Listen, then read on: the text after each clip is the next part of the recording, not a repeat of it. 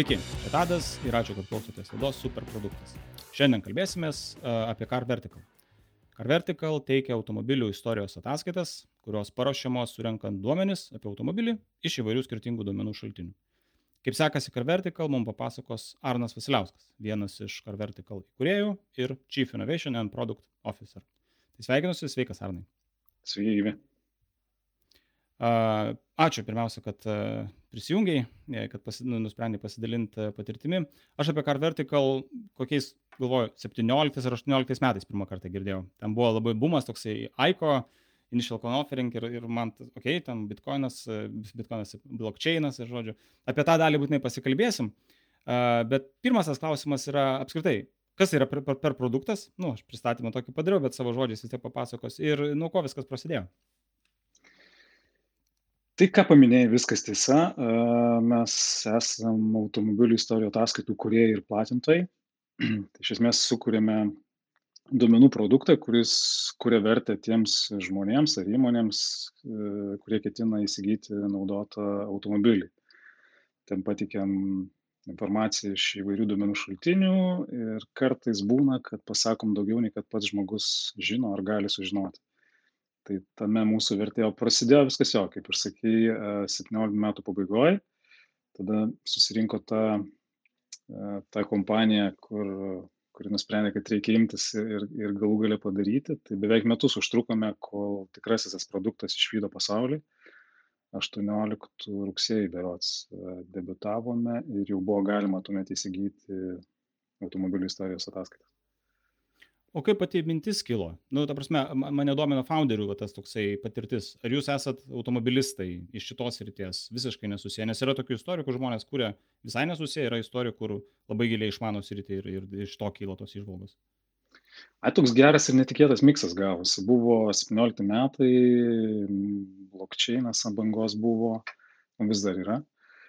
A, tai mes keturiese su su suėjome į vieną krūvą ir ten patirtys ir lūkesčiai man atrodo buvo gana gal skirtingi. Aš buvau su su e, su kažkokia automobiline šiek tiek automobilių automobilių duomenų patirtimi. A, turėjome marketingo žmogų turėjom a, turėjom žmogų mokantį kodinti turėjom a, kažką, kas galvoja, kad reikia blokšinę padaryti automobilių registrą. Tai visą tai kažkaip su, susimetė į krūvą ir gavosi tai, ką mes dabar vadinam Carvertical.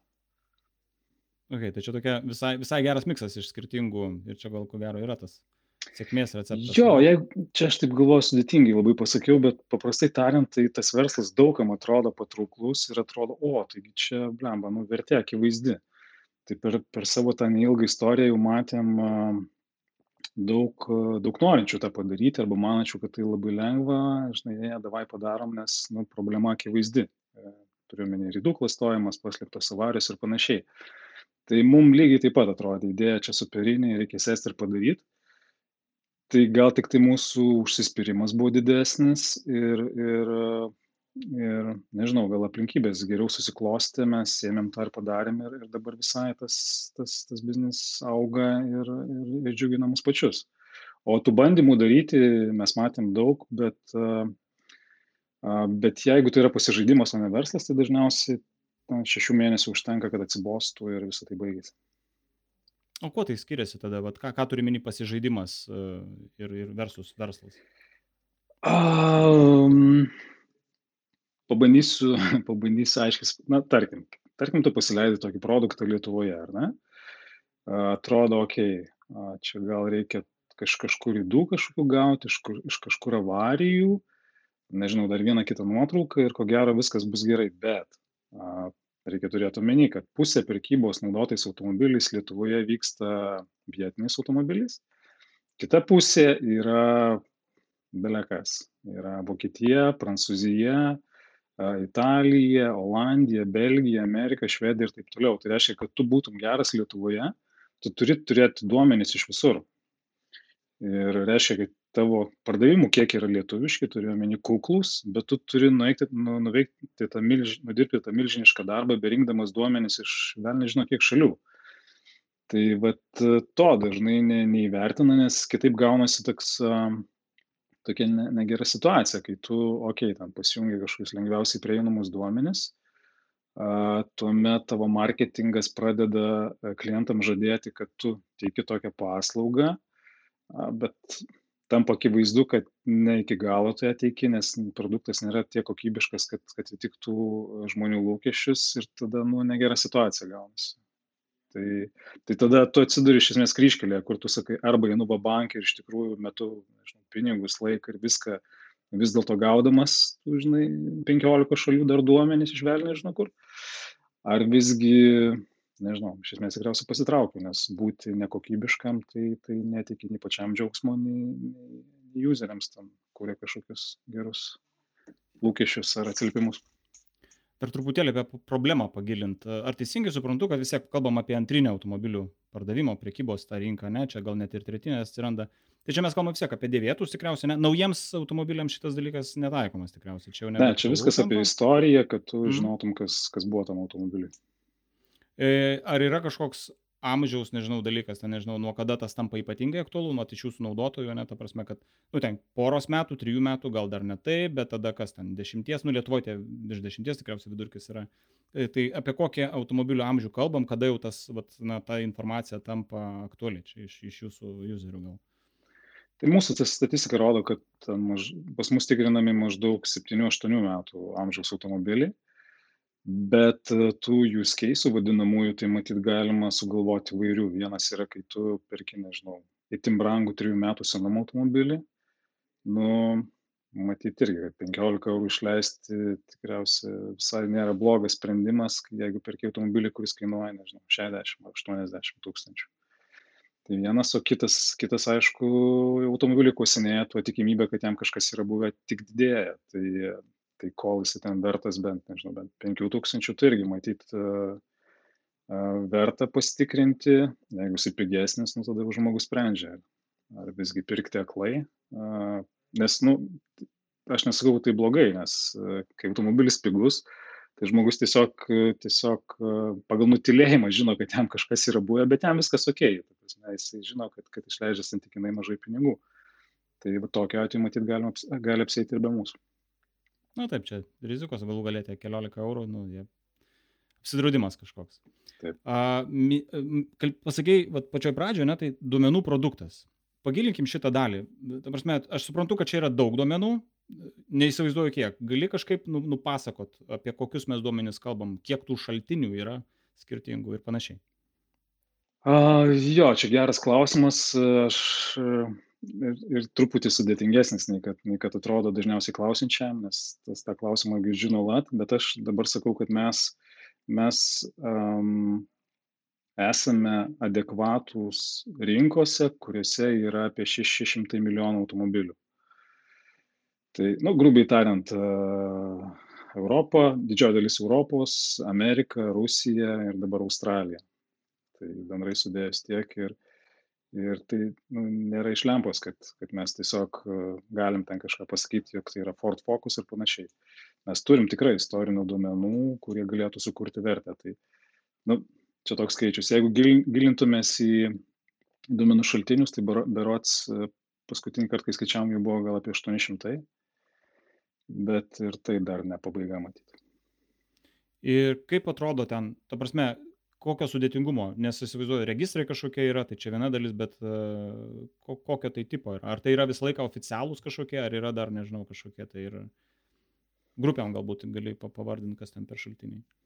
Jo, tai grubiai tariant, registrą niekuomet ne, ne, nepakenkia turėti, tai jeigu tik yra galimybė, mes, mes ir turime jo, jo duomenis, tai uh, bendra tendencija, kad tie duomenys nėra labai gilūs, bet jie padengia visiškai visą rinką. Tai ta, tas yra faina. Tada žinai, kad automobilis buvęs toj šalyje. Nu, pats faktas jo buvimo irgi kartais yra vertingas. Tuomet e, iš, iš, iš vartotojų jaučiame, jaučiame tokį lūkestį, kad ten bus techniniai technini aptarnavimai, e, turime techninės apžiūros. Tai irgi, jeigu tik yra galimybė, mes turime e, avarijos, aišku, labai svarbu su jom yra truputį sudėtingiau, sudėtingiau jas gauti, bet, bet daug kur turime. Ir ir toliau į, į, įvairius pri, privatus komerciniai šaltiniai, kurie kartais atrodo toks truputį žaidimas, nes e, vienose rankose tikrai nėra lemiančios, nu, ta prasme, tiek duomenų, kad galėtum sukurti produktą, tai vyksta toks durų varstymas ir rankėjimasis. Bet jie yra įdomiausi, nes e, jeigu yra kažkas, kas nori atsukti rydą ar kažką suklastoti, sumaklinti, jie dažniausiai pasitikrina kažkur tai ten, tai ten, bandydami suprasti, kiek, kiek daug jie gali meluoti ar, ar kažką paslėpti. Tai va tokius komercinius, neformalius jie dažniausiai pražiopso ir tose vietose mes tada jau prigaunam tą, tą, tą kuris nori kažką apgauti. Vadinasi, ir viešai kažkas prieinama, nu, prie kurių ir jungtis, bet tada tas atsiranda privatus sektorius. Ja, ja. Bet šiaip tai, jo, šiaip tai geras miksas, ten koja galima nusilaužti, nes, nes uh, Europa, kokia ji vieninga bebūtų, Europos Sąjunga, supratimas apie duomenys visiškai skirtingas, formatai visiškai skirtingi, standartai visiškai skirtingi. O kadangi mes norime, jog e, žmogus nesuktų galvos atėjęs mūsų svetainę, suvestų biną ir, ir sumokėtų tos ten 16 ar 15 eurų ir tiek žinių, tai reiškia, kad visą tą kitą darbą turime mes atlikti su, su duomenų suvienodinimu, ten, nežinau, matų vienetų suvienodinimu, kažkokių registracijos tipų, nes ten vienoje šalyje, nežinau, Amerikoje yra, yra tie vadinami taitlai, kurie, kai bandai juos čia kažkaip su, sumepinti su lietuviškais duomenimis, ten nei limpa, nei nelimpa, tai, nu, žodžiu, yra ką veikti. Tai čia vienas dalykas gauti tos duomenys tikriausiai, nes 800 duomenų šaltinių ar panašiai, tai yra irgi reikalų kažkam tai prieiti, ypač nekomerciniai vis tiek, kad nors ir viešai tikriausiai prieinami registrai, visa kita, tai yra didžiulis darbas. Antras darbas yra, nu, dirbti su tais duomenim. Kas, kad aš turiu krūvą kažkokių, ne, duomenų, bet man juos reikia juos sulaininti. Tai ir teisingai suprantu, kad čia tas visas duomenų mokslas e, ypatingai svarbus pas jūs yra. Tikrai taip, aš, man dažniausiai pritūksta žodžių, kaip čia nupasakoti, kaip tai svarbu, bet pas mus viduje tai tikrai toks didelis reikalas, turim ir duomenų mokslininkų ir dabar įdarbinam ir, ir dirbtinį intelektą, koks tai čia trendwordas bebūtų, bet jisai realiai dirba savo darbą pas mus. Tai taip bet bet faina aš kaip ir sakau mūsų vizija nuo pat pradžių yra yra tokia kad kad viskas ką žmogui tereikia padaryti suvesti kėbulo numerį toliau viskuo pasirūpiname mes kiek tai sudėtinga bebūtų kalbant dar apie sprendimą blokčeinas pradžiai tam minėjom ane iko tuos dalykus kiek tai yra vizijos dalykas ir kiek yra tai šiuo metu realiai įgyvendinta aš pats nelabai apie blokčeiną išmanau apart to skambaus žodžio bet kiek tai jūsų sprendime yra ir kiek tai yra labiau kalbama, kalbama apie viziją kažkokią tai tolimesnę galbūt? Kai pradėjom patirties, arba turėjom mažai, arba visai neturėjom su blokčiainu. Ir aš atsimenu pirmą mūsų sutikimą, sakėm, vis, viską, ką turėsim, viską dėsim į blokčiainą. Jeigu dabar kas nors taip pasakytų man, tai galvočiau, arba žmogus nesupranta, ką daro, arba juokauja, ar, ar, ar, ar aš kažko nesuprantu.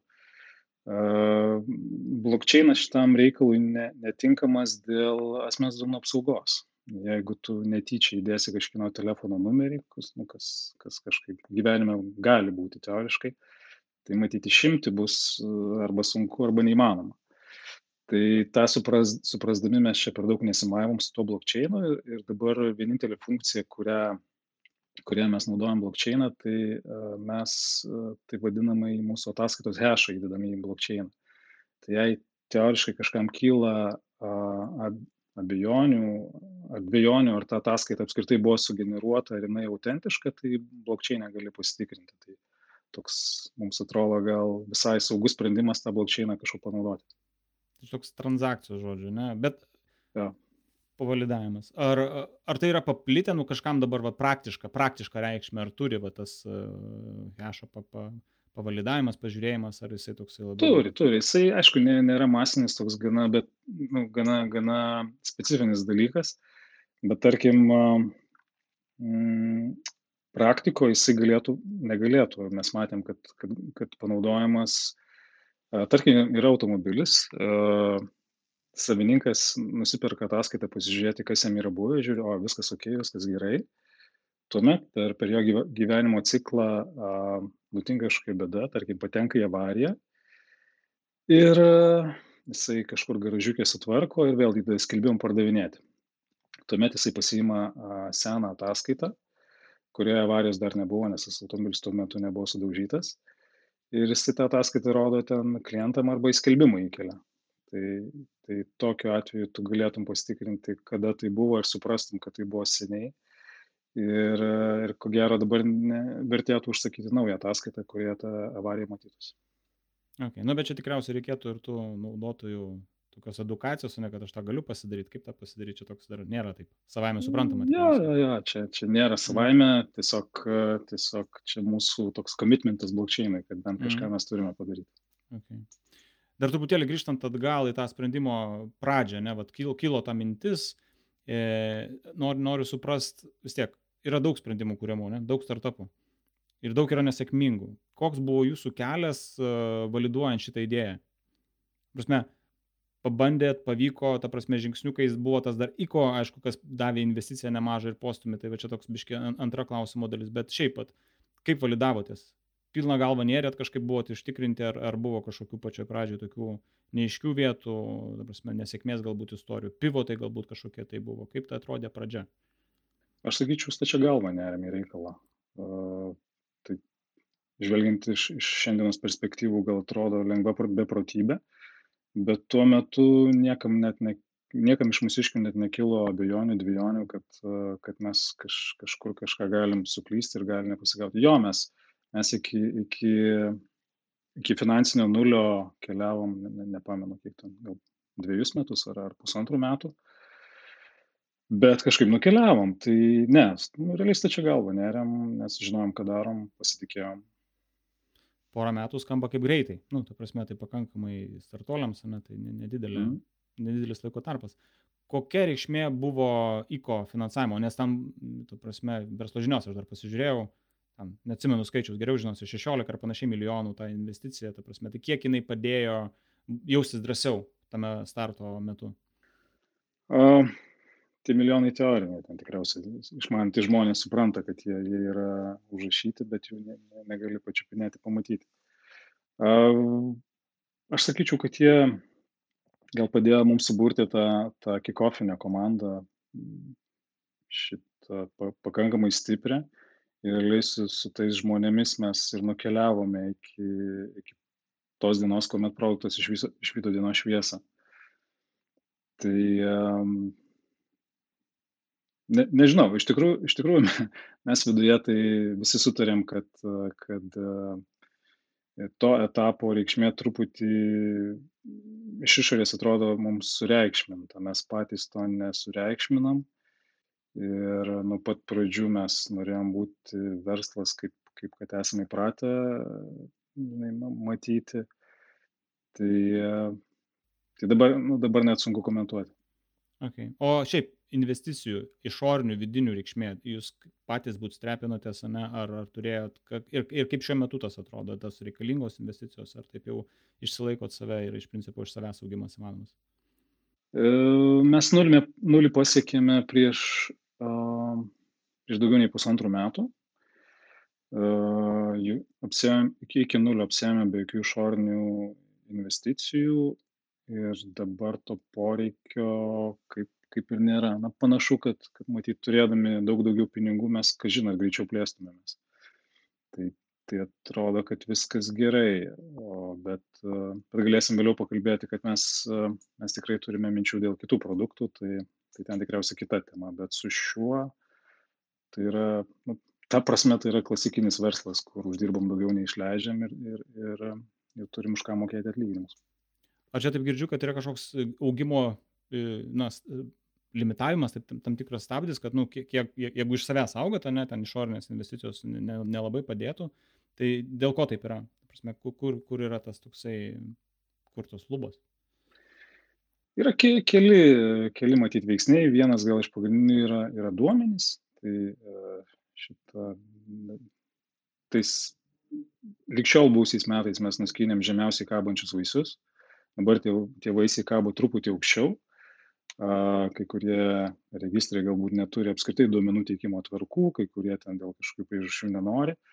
Tai susidėlioja ten tokia situacija, kada mes galbūt norėtume, bet, bet reikia su duomenimis pirmiausia dėlioti, nes trys, trys kriterijai, kurie nulėmė mūsų ėjimą arba neįimą į šalį yra, ar mes turime adekvačius duomenis, ar, ar mes galime prognozuoti, kad marketingo kaštai bus adekvatus, ar tiesiog yra, yra būdas, kaip, kaip reklamuotis mums priimtinais būdais.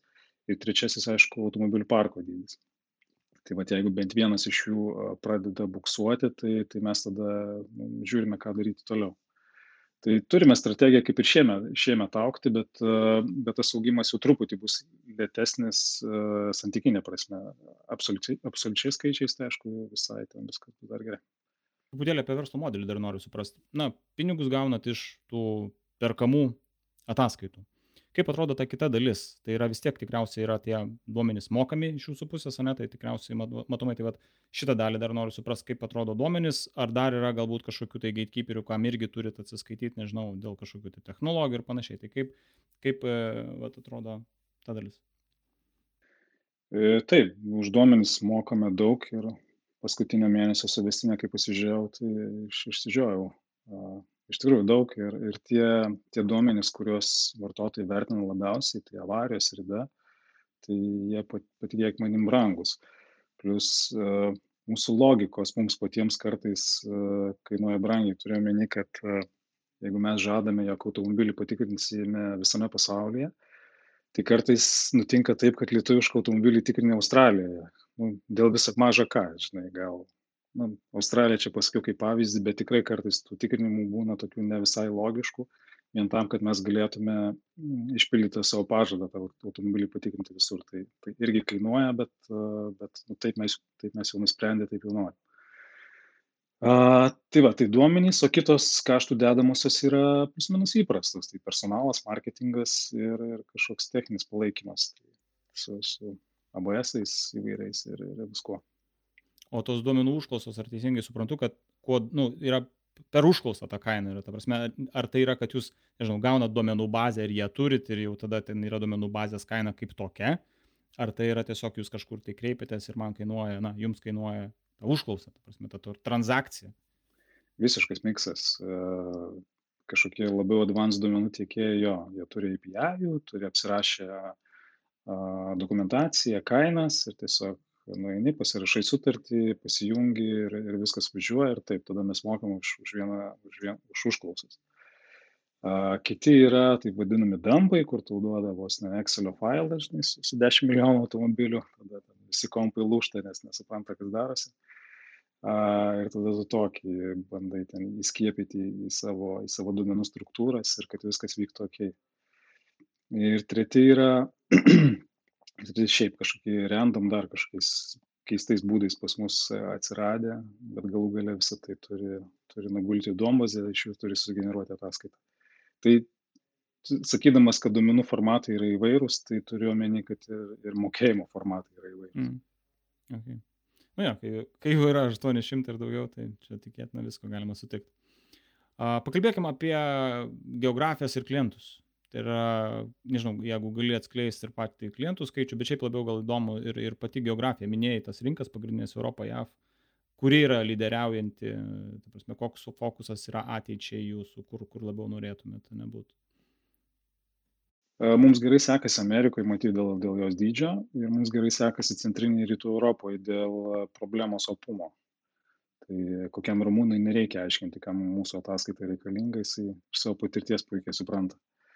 Tai tai čia europoje mums gerai yra rumunijoj lenkijoj ukrainoj prancūzijoj nu lietuvoj aišku. Tai čia čia didžiausios šalys a dabar turime pla planą eiti į į egzotikas tai norim australijos ir norim pietų afrikos respublikos.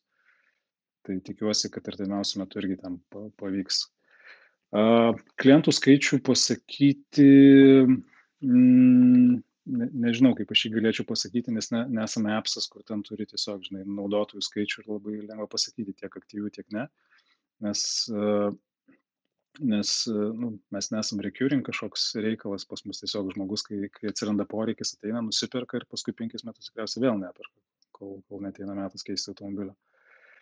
Bet nu šiemet planuojam šešiolikos milijonų apyvartą apie vat tą klientą dar norėjau truputėlį pagilint. Ar visą laiką tai yra privatus asmuo vat kaip minėjai nu automobilį perku kas penkis metus Ar tai yra kokia nors, nežinau, ir įmonės, kurios, nežinau, perparduotų ir galbūt kaip paslaugą kažkokią siūlo savo klientams, tai yra, nu, ne patikimumą ir panašiai. Iki šių metų, tai aš sakyčiau, kad tikriausiai 98 procentai buvo fiziniai asmenys, tai, tai tie, tie Jonai, Antanai ir Petrai, kur, apie kuriuos mes išnekam. Um, dabar, dabar verslo klientų dalis vis, vis didėja ir čia yra tam priežastis. Iš pat pradžių mes galvojom irgi, ka, ka, kaip daryti, pabandėme B2B, pabandėm B2C ir B2B užtruko tiek, tiek daug ilgiau nei kad B2C, kad mes nusprendėme geriau, mes darom tą, ką mokam geriausiai, mes gerai mokam daryti marketingą e, ir todėl, todėl tai leidom gana greitai aukti. Dabar kai kurios, kai kurios rinkos jau pakankamai e, prisotintos, tai, tai nu, tarkim, Rumunija, manau, kad ten augimas jau lėtės. Uh, tai mes galim sau leisti daryti ir B2B. Tai, tai turim ir, ir B2B žmonių, kurie eina. Ir kitas, kitas fainas dalykas yra, kad, kad prekinis ženklas tapo žinomas ir, ir ateiti pas B2B klientą yra daug lengviau nei kad tai būdavo prieš, prieš keletą metų. Ateini ir jie dažniausiai būna kažkuria prasme apšilę, nes ar matė televizijos reklamą, ar, ar patys, kaip patys jau kažkada naudosi tą paslaugą, tai viskas vyksta greičiau tai, tai ta B2B dalis nuo šiol didės. A, kaip atrodo konkurentai? Na, kaip visą laiką, ne, kaip būna ir, sakykime, minėjai, kad ir buvo tų bandymų, tai tikiu, kad jų yra, tai apskritai kaip ta konkurencinė galbūt geografija jos yra ryškesnės, ar yra panašių irgi tokių globalių žaidėjų? Yra įvairių, gal galima jas sugrupuoti į tris kategorijas. Viena yra na, daugiau ar mažiau globalūs, antra yra regioniniai ir trečia yra vietiniai. Vietiniai turiuomenį kaž, kažkurioje šalyje tai aš kad ir kaip kukliai bandyčiau pasakyti, bet globa, ta prasme, globalesnė nei mes pasaulyje nėra. Tai, tai čia, čia faina vieta. A, toliau regioniniai, tai tikriausiai gar, garsiausias, neseniausias yra Carfaxas. Amerikoje jisai yra ne, nenugalimas, užima didžiausią rinkos dalį ir artimiausiu metu niekas ten tikrai nesikeis.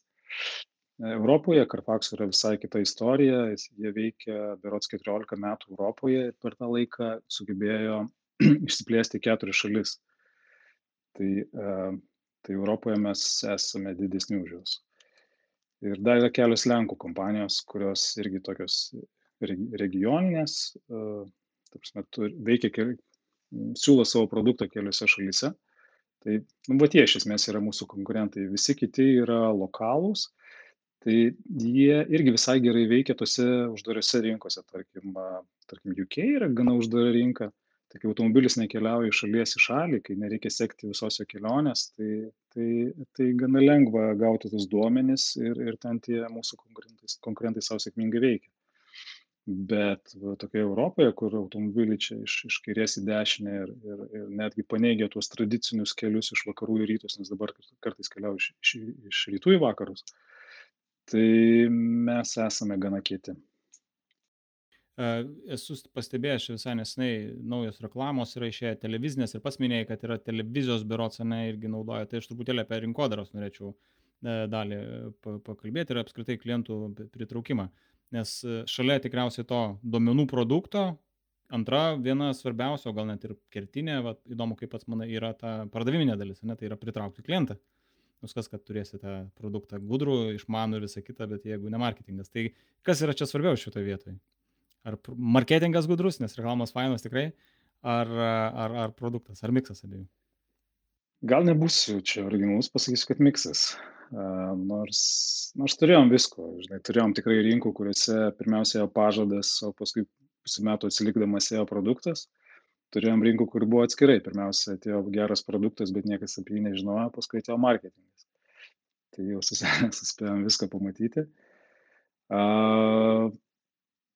Čia gal, gal įdomesnė vieta yra tas, tas televi, ta televizija, kurią tu paminėjai, nes su skaitmeniniu marketingu viską darom, kaip, kaip manom, kad yra teisinga, bet visgi na su skaitmeniniu marketingu tu įsivaizduoji vienas vienas savo savo potencialo ribas kiek tu gali parduoti tų ataskaitų per mėnesį Bet senas geras telikas, blemba, tas lubas pakelia. Jisai, jisai, iš esmės, jisai formuoja rinką. Ir ten kokia nors a, bobutė, kuri šiaip būtų net nesvaršius tavęs pirkti, nes bijo, nenori, nežino, kas tai yra. Nu, į teliką žiūri ir, ir jinai nu, užsuka, žinai, ir pas mus pasitikrinti savo automobilį. Tai, tai telikas yra gerai, jisai formuoja rinką, ją padidina, e, nei vienas iš mūsų konkurentų to, to nėra daręs. Ir e, ir jisai, aišku, sukuria inerciją. Tai reiškia, jeigu tu televizinę kampaniją pabaigai dabar, tai tikriausiai poveikį, veiks, po, poveikį jausi dar pusę metų. Mm, Čia įdomu, ne? nes seniau, vat, man tam pradėjus dar ir reklamos agentūrose darbus, tai interneto buvo nedaug, jisai toks kaip nišinis kanalas. Dabargi internetą nu, visi turi, taip sakykime, ne, grubiai. Ir televizorių žiūri, bet stil televizorius vadinasi, turi tą įtaką tokią, kad, na, internetiniam priemonėm, ne tais kanalais, gali ten išsimatuoti labai kokybiškai visas tas konversijas, ne, kiek tau kainuoja prisitraukti, bet ten bus riba kažkokia, ne, ir čia jūs atsimušat Taip, ir tada televizija jums at- atrakina tą dar kažkokią, ne, didesnę tą auditoriją. Taip, visiškai teisingai. Ir dar turi tas kažkokias, kažkokius neprašytus poveikius, kur kartais pats nusistebi. Tai, tai nu, vis dar gajus tas dalykas, kad uh, jei tave rodė per teleką, tai, žinai, tai reiškia kažkas something special. Ir, ir, ir net nu, nesąmoningai tiesiog taip gaunasi. Uh, dar vienas dalykas, garsus šūkavimas ar, ar toks agresyvus marketingas mums padeda su žmonėmis. Ateina žmonės į darbo pokalbius, uh, žinodami, kas mes esame, žinodami, kur eina. Tai nuo to irgi visiems tik geriau. Tai, tai man, senas geras telikas vis dar veikia. Didelė mašina, nedaug daug regionų, Europą, Ameriką, čia ir Australijos turėsim. Kaip atrodo operacijos pas jūs? Na vis tiek kažkoks klientų aptarnavimas tikriausiai yra, tai man įdomu, vat, kaip, kaip jūs įdarot, kaip jūs užtikrinat, kad tie klientai nusipirkę ataskaitą vis dėlto yra e, patenkinti ir panašiai. Mes nuo pat pradžių pasirinkome viską daryti iš, iš vienos vietos ir po praėjus keturiems metams kažkaip vis dar to nesigailim. Viskas pavyko, viską sumenedžinam. Aš pats kartais jau net galvoju, nu, nu negali būti, kad viskas tikrai tvarkoja, ypač turint omeny kalbų skirtumus ir panašiai. Bet dar an, aną savaitę, aną savaitę kalbėjau su, su, su žmonėmis Vengrijoje, Rumunijoje ir visi neprašyti, kaip sustarė, gyrė, gyrė tiek mūsų komunikaciją, tiek, tiek, tiek produktą. Tai gal viskas gerai. O kaip dėl iššūkių? Vis tiek auganti kompanija, ne, tai aš tikiu, kad yra kažkokių tai tokių specialių, nu, su domenim, kai yra jų daug, tai vėlgi ten įvairių tikriausiai istorijų, ne, nepatikimi galbūt duomenys, nepilni duomenys.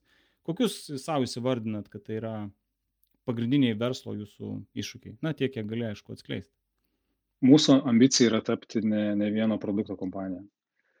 Tai aš manau, kad šie metai bus tokie, ta prasme, lūžio metai, nes mes, mes de facto esame ne, ne ataskaitų, ne automobilio istorijos ataskaitų kompanija, mes esame duomenų kompanija. Tai reiškia, kad tą įdirbį, ku- kurį mes, kurį mes jau turime, realiai tai yra įdirbis į duomenys, jų logikas, apdorojimą ir panašiai. Ir tai reiškia, kad, kad, kad mes kalbame apie duomenis, o ne apie automobilių istorijos ataskaitas. Ir automobilių istorijos ataskaitas tai yra vienas iš produktų, kuris, a, na, kuris suproduktuotas, kurį galima parduoti. Realiai iš tų pačių mūsų tu- turimų duomenų aš suskaičiuočiau dar bent penkis produktus, kuriuos mes galėtume padaryti. Tai, a, tai tą ir darysime. Ir, a, žinai, akis blizga, atrodo, kad pasisekė vienas, pasiseks ir kiti. E, Nu, gyvenime taip nebūna. Tai, tai šitie metai taps tokie kažkokie iššūkių, transformacijų metai, kur pas, pasižiūrėsim, kas, kur link toliau nujudėsim. Tai pakalbėkime apie tą viziją tada. Penki produktai, nežinau, okei, okay, gal ne konkrečiai, nes čia tikriausiai ir, ir paklausys kažkas ir pasakys, kad ne, tikrai nebloga idėja, bet bent jau apie ką kalbam? E, Apie tą pačią industriją automobilių, e, kadangi su duomenim yra daug patirties apskritai, nežinau, įrankiai duomenim dorot. Kas, apie ką, ka- ka- kas, kas, kas yra ateityje po penkių Taip, metų? viskas, vis, viskas sukasi ir suksis apie, apie naudotus automobilius. Tiesiog mes norime tapti tikrąją duomenų ekosistemą. Tai reiškia, kad, kad mūsų perkamų duomenų dalis turi mažėti. Mes patys turime kurti įrankius tiems duomenims generuoti. taip didinti savo, savo nepriklausomybę nuo, nuo duomenų šaltinių, mažinti kaštus. Tai vad, visi produktai visų pirma bus nukreipti į B2C ir jeigu tik tai ten kažkokios nedidelis jų modifikacijos tiks B2B, tai matyt mes tą ir padarysime, bet iš esmės tai bus B2C ir, ir, ir aš paminėjau penkis, tai bent du iš jų tikrai, tikrai ambicingi ir tikiuosi neužtruksim, kol juos paleisim. Cool, tai lauksim, lauksim žinių, nes, nu, jeigu duomenys turėdavot pirkti, tai dabar duomenys bus į jūs, ne, toks galima pasakyti. Sėkmybė tikrai nevyks čia per vien, vienerius mm. metus, bet, bet gal bent jau susidėlios kažkoks frameworkas, kuris, kur matysim, kad jo viskas juda gerą linkmę. Pereikim tada prie tos tokios, kaip atsakėjai, gal nelabai įdomios dalies, kaip, kaip, kaip kam gal kaip tik, kaip tik įdomi tai yra dalis, tai e, ir, ir apie procesus irgi norisi šiek tiek pakalbėti. Kaip atrodo komanda, kuri dirba prie tokio didelio globalaus produkto? Mes turime berods dabar 75 žmonės, turim daug marketingistų, kurie, nes, nes daug rinkų, tai, tai tiesiog turi būti daug, kad suspėtume visur. Turime, dabar jau net nepasakysiu, ko, kokią devų komandą, bet na, iš esmės mes skirstome į devus ir, ir į data teamą. Turime tris produktistus ir panašu, kad tiek užtenka, nes jų darbas dažnai apsiriboja užduočių suformavimu kitoms komandoms nes tai, tai mes tai kalbėsiu būtiškai, mes e, realiai sumedžiojam duomenų tiekimo sutartį, parnešam ją šitą įmonę, duodam data teamui sukramtyti, jie pasižiūri, kas ten, kaip ten, kaip pasijungti, ištestuoja, pajungia. Tuomet devai žiūri, kaip tus duomenis paimti į produktą, perina formatorius, kažkokias logikas ir galų gale atsiranda, atsiranda frontendą. Tai toks labai labai grubiai viskas vyksta taip. Tai didžioji dalis, vadinasi, yra tokio integravimo darbas, ne? Tai yra, nu, patikslinkėk kiek mane, nes, nu, yra vis tiek galbūt kažkokie nauji funkcionalumai, ko reikia pasidaryti, ten ataskaitos formatas ar, ar dar kažkas tai yra, bet, bet didžioji dalis vis tiek yra pajungti tuos išorinius šaltinius į sistemą, kad visą tai tvarkingai atrodo. Jo, kaž, kaž, kažkaip istorija lėmė, kad mes judėjome tokiais etapais. Tai pirmasis etapas, kai apskritai mes su, su, sugrumulavom tą produktą, koks jis turi būti. Tai tuomet vyko iš esmės naujų duomenų šaltinių integravimas ir geografinė plėtra. Geografinė plėtra tai plius, plius minus adaptacijos plačiaja prasme. Ten mokėjimo būdai, kalbos ir, ir taip toliau, ir taip toliau. Tai praktiškai du metus mes veikėm vien, vien tą. Per tuos du metus, kol, kol visos pajėgos mestos plėtrai, aišku, prisikaupė, prisikaupė backlogas atsiliepimai iš, iš klientų, atsiliepimai iš mūsų pačių suporto. Ir ta, ta prasme tai, tai visai, visai gerai susidėliojo, nes tie, tie, tie atsiliepimai buvo iš gyvenimo ir ten nereikėjo, žinai, daryti testų, kad ar to reikia, ar to nereikia. Akivaizdu, kad, kad ten to reikėjo. Tai reiškia, kai mes, kai mes jau galėjome sauliaisti šitą truputį pristabdyti geografinę plėtrą, tada mes norėjome pasidaryti to, kas, kas, ko prisikaupė per, per tuos du metus ir ir paskui kai apsidirbi gali vėl grįžti prie geografinės plėtros. Tai dabar mes būtent irgi esame tokiame etape kad tų pastabų prisikaupė tiek daug kad realiai iš esmės atnaujinsime produktą. Turime šiek tiek tokių ir ir ir kaip čia? Iš esmės turime ambicijų ne taip pradėjau atsiprašau. Šiemet mes supratom kad ko gero mes esam didžiausi tokių tokios paslaugos teikėjai europoje pagalvojom, kad, kad tai mus visai įpareigoja ir, ir norime, kad produktas, kad niekam nekiltų abejonių, kuris produktas geriausias. Tai dabar dirbame ties, na, viduje mes tai vadiname trečiąją ataskaitos versiją. Jis bus iš esmės kitokia, labai, labai user-friendly, interact, interactive ir panašiai. Tai tikimės, kad kitų metų pirmąjį ketvirtį šitą parodysim produktą, kuris nušluostys visiems nosį turit mobilią aplikaciją, tai klausimas, kaip pagrindė yra įsigyjamas jūsų ataskaitos? Ar, ar tiesiogiai per, nežinau, mobilę interneto versiją, ar yra aplikacija, yra ta vieta, kur yra dažniausiai naudojama? Na, vienkartinis pirkimas dažnai ne, tai galbūt kaip, kaip, kaip atrodo va, tas naudotojo kelionė? Aplikaciją padarėm iš, nežinau, labiau iš, labiau iš reikalo iš pat pradžių buvo, buvo aišku, kad racionalios logikos ten nelabai yra, nes iš tikrųjų normaliam žmogui auto, automobilį keičiančiam kas penkis metus aplikacija nu, ten nereikalinga. Tai ir dabar aplikacijoje iš esmės yra, iš esmės yra webas įdėtas, e, jokių ten papildomų logikų, jokių papildomų naudų nebuvo ir artimiausių metų neplanuojam. E, mobili svetainės versija puikiai veikia ir mūsų produkto tokia specifika, kad, kad appsas iš esmės nereikalingas. Tai tas produktas, kurį jūs pateikėt, kaip jau minėjai, ta trečioji ataskaitos versija, tai yra ta ataskaita, ne, kur yra tikiu, tam pakankamai kompleksiška ir sudėtinga, ten priklausomai, jinai, jinai yra labai dinamiška nuo, nuo tų duomenų šaltinių, nuo, net nuo geografijos tikriausiai jinai gali skirtis, kokią mato ten, nežinau, lietuvis, kokią mato rumūnas, ar, ar taip nėra? Taip, tai ta trečioji bus kitais metais, bet nu, logikos jo tos pačios, kad, kad kiek įmanoma, tai tie duomenys, nu, mes patikrinam visur, kaip ir minėjau, produktas taip yra būtent ta ataskaita.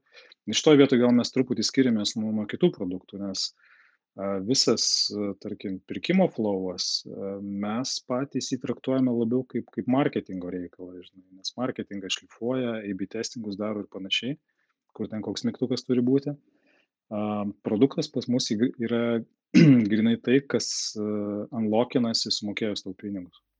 Mhm. Ok, tai, tai tos komandos irgi tikriausiai pasiskirsto produktinės, ar jau tą fanelį iki įsigijimo ne, ne produktų vadinat, marketingo komanda už tą atsakingą tobulinimą? Jo, jo, tai kaž, kažkada netaip seniai subildinomės visi bendromis jėgomis, bet, bet dabar, dabar taip, tai labiau yra marketingo reikalai negu, negu mūsų. O kaip atrodo, kalbant apie tikslus, ne, produktinių komandų tikslai, kas jiems yra aktualu, ta prasme, nu, ar tai, vad minėjai, turi didžiulį backlog atsiliepimų, tai ar, ar suspėti pagal tuos atsiliepimus, ar tai yra kažkoks, nežinau, labiau į klientą orientuotas kažkoks tai dalykas, ar tiesiog verslo tikslus turit, kaip atrodo tikslai, kurio, kuriuos keliat produktiniam komandom? Mes vėlgi esame gana, gana geroje situacijoje, kur, kur dažnai ne, kaip čia, nereikia galvoti, ką daryti. Tai tiek, tiek akivaizdu, kad, kad šitą, kad kažkaip natūraliai susidėlioja. Tai mano minėta Australija yra didelis prioritetas ir vienas žmogus dirba vien ties tuo iš produkto komandos.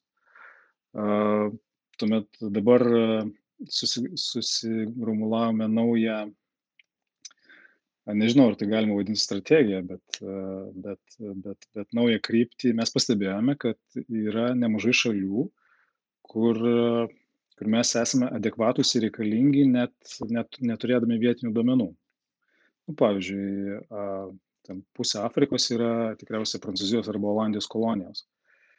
Visi naudoti automobiliai užbaigė savo gyvenimą tenai. Tai reiškia, kad mūsų turimos tų automobilių istorijos Europoje yra netgi naudingos jiems. Tai, tai vat vėl nauja niša, kur, kur tikriausiai dar metams turėsime darbo. Tai, e, tai nu, čia tik keli pavyzdžiai, kad, kad e, tų, kaip čia, tų minčių, ką veikti, yra daugiau nei galimybių tai pasidaryti. Tai tiesiog susėdam visi, susiprioritizuojam, trelo išstumdam, kas ką daro ir važiuojam. Prioritetus paminėjai, tai iš karto tada klausimas, tai kuo remiantis tada vat, nusprendžiat, kad, e, na, okei, okay, tam tikras dalykas bus reikalingas, o ne kitas. A, tai jeigu kalbant apie geografinę plėtrą, tai mes žiūrime tuos tris dalykus, kuriuos buvau paminėjęs. Ar mes galime, ar mūsų marketingai bus adekvatus, ar turime duomenis ir kiek ten yra automobilių. Tai jeigu yra kelios šalis, kurias mes svarstome, tai aišku, tos, tos kuriuose tie trys rodikliai e, mums priimtinesni, tai jos keliauja į viršų prioritetų sąraše. Jeigu iš kalbama apie produkto savybės ar funkcionalumus, tai um, tie kasdieniai einamieji pas mus dažniausiai yra ne, ne, nedideli tokie pakeitimai, būtent pačioje ataskaitoje. E, kažkaip visai pasiteisino visų svarbesnių dėsnių sukaupimas į tokius bečius, sugrupavimas ir tada, ir tada didelis, tai vadinamas releasas vienu metu. Tai nežinau, ar atsakiau klausimą. Ja, manau, kad, manau, kad taip. Dar truputėlį norėčiau paliesti tą grįžtamą ryšį, nes minėjai, kad daug turit, nedaug ateina tos, tos informacijos iš userių. Kokiu formatu susirenkat? Ta prasme, kas tai yra? Skambučiai, laiškus rašo, per messengerį kreipiasi? Labiausiai pasiteisina mailas, kaip bebūtų, paštas. Mes dar turim saitę formą, bet dėl, dėl tam tikros specifikos vis tiek viskas dažniausiai galų galę sukrenta į mailą Tai tarkim, jeigu turime telefoną, tai žmogus skambina dėl kažkokios problemos, mes pagrindinis identifikatorius, pagal kurią mes galime atsekti jo pirkimą ar jo problemą, yra, yra kėbulo numeris. Kėbulo numeris yra 17 simbolių, gana ilgas ir toks painus. Tai mes visuomet prašom jį atsiųsti, nes kai diktuoja telefonu, tai gali netai pasakyti, gali netai išgirsti ir niekam nuo to nebus geriau. Tai reiškia, viskas su jais eina į mailą. Jeigu tai yra e, pokalbis, čatas e, internetinė svetainė, tai irgi dažnai techninės galimybės riboja kažką, nežinau, fotkinti, atsiųsti ir panašiai tuomet irgi persikeli į mailą. Tai taip mes turime gal kokius 3-4 būdus su mumis susisiekti, bet, bet kol kas seno gero mailo niekas nepakeitė. Na ir pabaigai galbūt galėtum pasidalinti kažkokią, nežinau, įdomią istoriją apie produktą, nutikimai kažkokie tai. Su pačiu produktu, tai tas, tas linksmasis vietas gali, galima nujausti, jos, jos nesikeičia. Matome ir rydų atsuktų po pusę milijono kilometrų. Ir ir matome pavyzdžiui kad du automobiliai vienu metu važinėja dviejose šalyse. Iš esmės tai reiškia kad yra du du tokie patys vinai tikriausiai vienas iš jų tikras.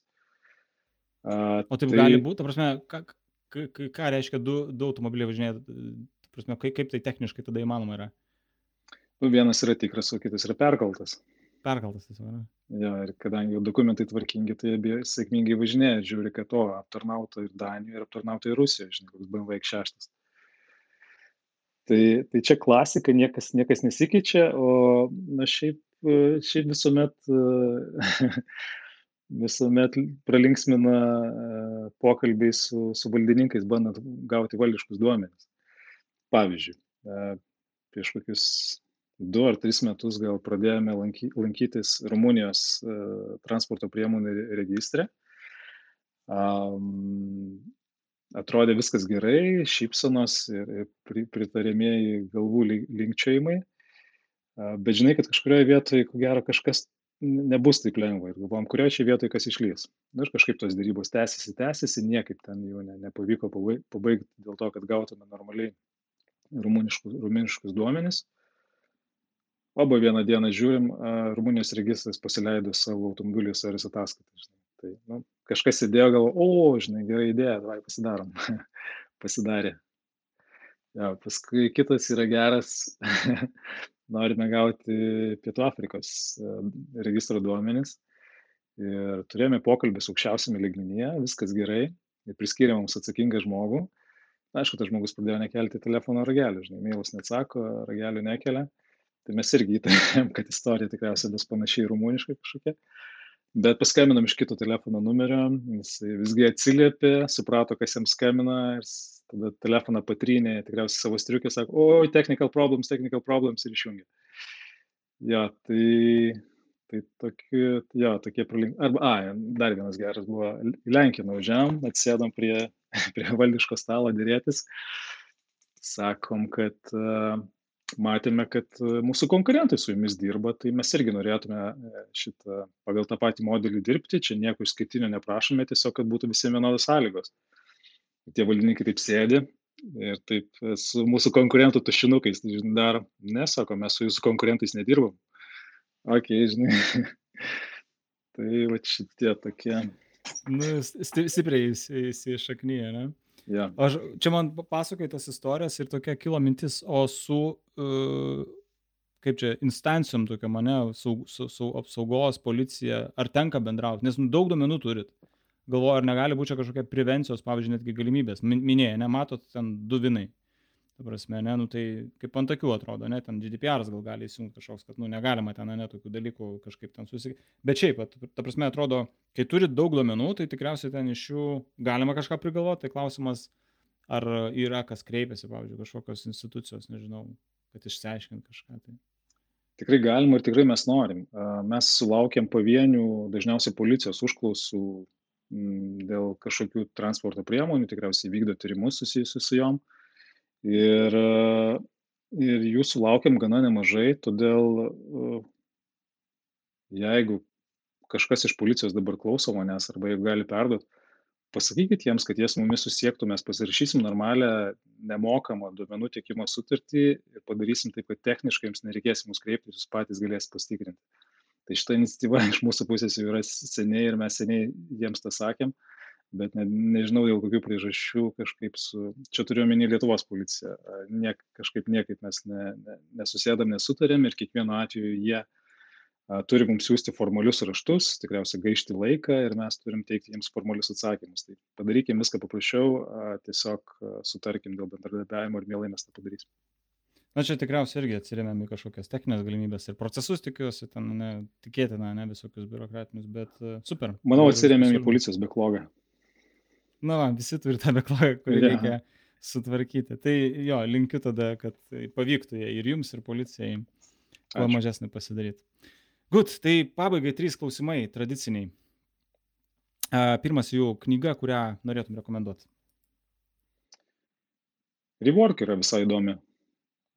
Tokia kitokia nei kitos. Kas skaitė, tikriausiai žino, kalba apie, apie tai, kad